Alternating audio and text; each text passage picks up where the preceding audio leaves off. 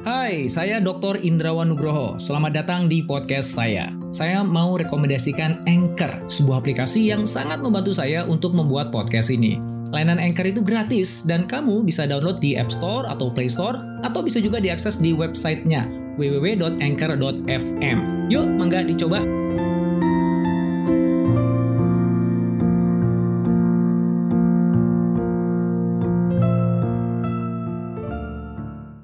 Quibi adalah sebuah startup video streaming yang sangat fenomenal.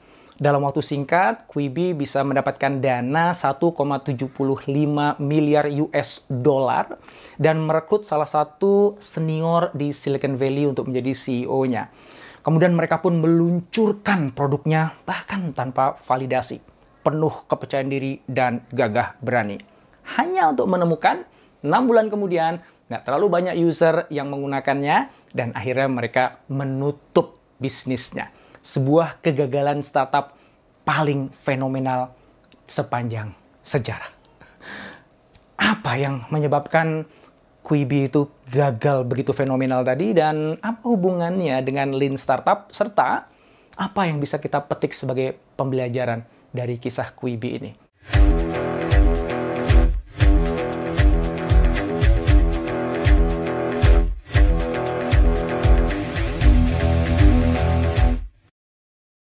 Di bulan Maret 2020, Steve Blank menulis artikel menarik di Harvard Business Review berjudul New TV is the antithesis of a lean startup. Can it work?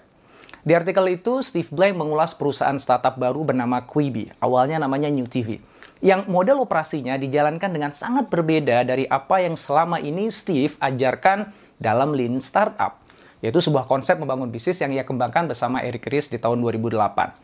Kalau dalam Lean Startup, Steve itu mengajarkan bahwa kita harus memulai bisnis dengan melakukan banyak sekali eksperimentasi secara cepat dan murah. Supaya kita bisa belajar tuh dari kesalahan-kesalahan awal. Kemudian melakukan berbagai iterasi dan pivot sampai akhirnya kita menemukan produk market fit. Baru di saat itu kita boleh investasi besar-besaran untuk mengembangkan produk yang memang sudah tervalidasi itu. Quibi adalah antitesis dari pendekatan Lean Startup itu. Quibi adalah singkatan dari Quick Bites, sebuah aplikasi mobile streaming video berdurasi 10 menit per videonya.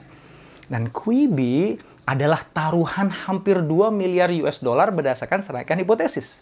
Pertama, konsumen memang ingin menonton hiburan berdurasi pendek di handphonenya. Dan kedua, karena Quibi nggak buat konten, melainkan bermitra dengan produser hiburan tradisional, maka hipotesis yang kedua adalah pihak ketiga itu akan bisa menghasilkan sesuatu yang memang akan diminati oleh pelanggan yang jadi sasaran Quibi yaitu para milenial yang suka nonton video di sela-sela aktivitasnya yang dinamis. Hipotesa yang ketiga adalah mitra perusahaan telco itu bersedia untuk mendistribusikan konten Quibi. Namun ternyata Quibi sama sekali nggak berencana untuk menguji hipotesa tadi.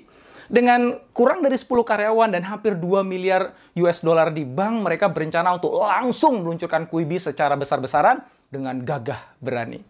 Nah, yang menarik adalah Steve Blank menyebutkan dalam blog pribadinya di medium.com bahwa cara yang dilakukan Quibi itu bisa aja berhasil. Dia bahkan menyebutkan beberapa alasan logis kenapa Quibi bisa berhasil. Bahkan Steve merevisi beberapa prinsip dari Lean Startup untuk mengakomodir pendekatan Quibi ini. Dan kini tujuh bulan setelah artikel itu diterbitkan, kita semua tahu ya bahwa ternyata Quibi justru gagal besar-besaran. Nah, gimana sih ceritanya dan kok bisa gagal? Terus apa pelajarannya untuk kita? Kita mulai ceritanya. Uh, cerita ini sebenarnya dimulai 20 tahun yang lalu. Ide tentang Lean Startup itu dibangun di atas puing-puing kehancuran.com di tahun 2000. Setelah pecahnya .com bubble, perusahaan modal Ventura menjadi langka atau bahkan nggak ada. Angel investor pun juga ikut menghilang visi yang masih beroperasi tidak lagi menuntut startup untuk bertumbuh secara cepat dengan membakar uang. Mereka justru minta startup itu untuk lebih berhati-hati. Hai, sebelum kita lanjut podcastnya, kamu sudah pernah dengar Anchor kan? Anchor adalah all-in-one podcast editing platform yang saya gunakan untuk rekaman, edit suara, tambah lagu, dan semua hal dalam pembuatan podcast yang sedang kamu dengerin ini. Anchor bisa membantu kamu bikin podcast kamu sendiri loh. Caranya gampang, tinggal download dari App Store atau Play Store, atau bisa juga diakses di www.anchor.fm. Download Anchor sekarang ya. Nah, dengan adanya perubahan itu, startup jadi membutuhkan metodologi baru dong untuk bisa mengamankan modal mereka dan berusaha bertahan sampai akhirnya bisa menghasilkan pendapatan dan keuntungan.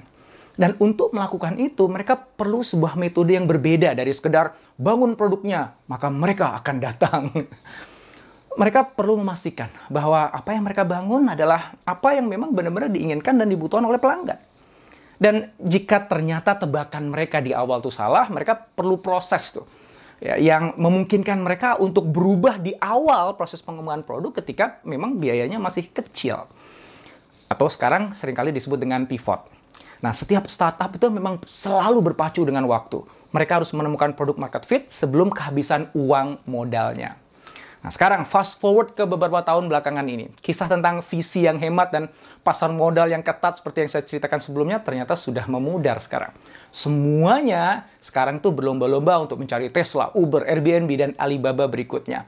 Yang penting bagi mereka sekarang adalah mendorong valuasi startup ke wilayah unicorn senilai 1 miliar US dollar atau lebih ya, melalui pertumbuhan yang cepat yang biasanya diukur berdasarkan jumlah pengguna, pendapatan, atau tingkat engagement, tapi hampir tidak pernah diukur berdasarkan keuntungan. Bahkan banyak dari startup ini yang minus di aspek ini. Perusahaan visi dan para founder yang sebelumnya harus menunggu sampai mereka menjual perusahaannya atau melakukan IPO untuk bisa dapat uang, sekarang udah nggak harus menunggu lagi Kenapa? Karena sekarang itu mereka bisa menjual sebagian dari investasi mereka saat mencari pemodal di putaran berikutnya. Dan jika perusahaan itu go public, maka nilai valuasinya itu setidaknya 10 kali dari sebelumnya. Nah, dalam konteks ini masuklah Jeff Katzenberg yang mendirikan Quibi. Jeff ini spesial. Dia punya rekan jejak yang bagus banget. Dia adalah kepala studio di Paramount. Dia ketua Disney Studio. Dia salah satu pendiri DreamWorks. Dan atas dasar deretan prestasi dan nama baiknya itulah kemudian dia berhasil mengumpulkan dana sejumlah 1,75 miliar US dollar dari para investor kakap dan perusahaan-perusahaan media besar dunia untuk meluncurkan Quibi.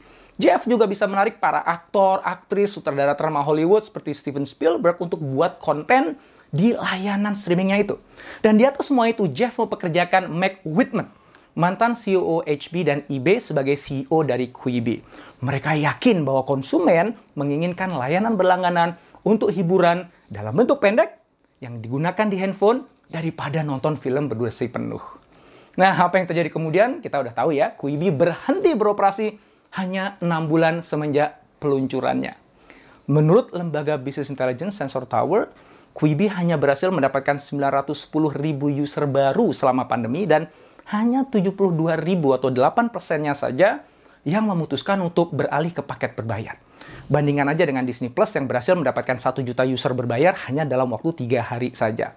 Lalu di mana letak kesalahan Quibi? Dan kalau Jeff, alasannya dia adalah karena pandemi. Pandemi itu memaksa orang untuk berada di rumah dan mengurangi bepergian. Dan itu yang menyebabkan layanan streaming mobile di handphone dengan video pendek itu jadi nggak relevan lagi di saat pandemi. Itu alasannya Jeff. Tapi apa memang itu satu-satunya alasan? Jangan-jangan kegagalan Quibi itu lebih disebabkan kesalahan mereka dalam menebak minat dan perilaku pelanggan yang sesungguhnya.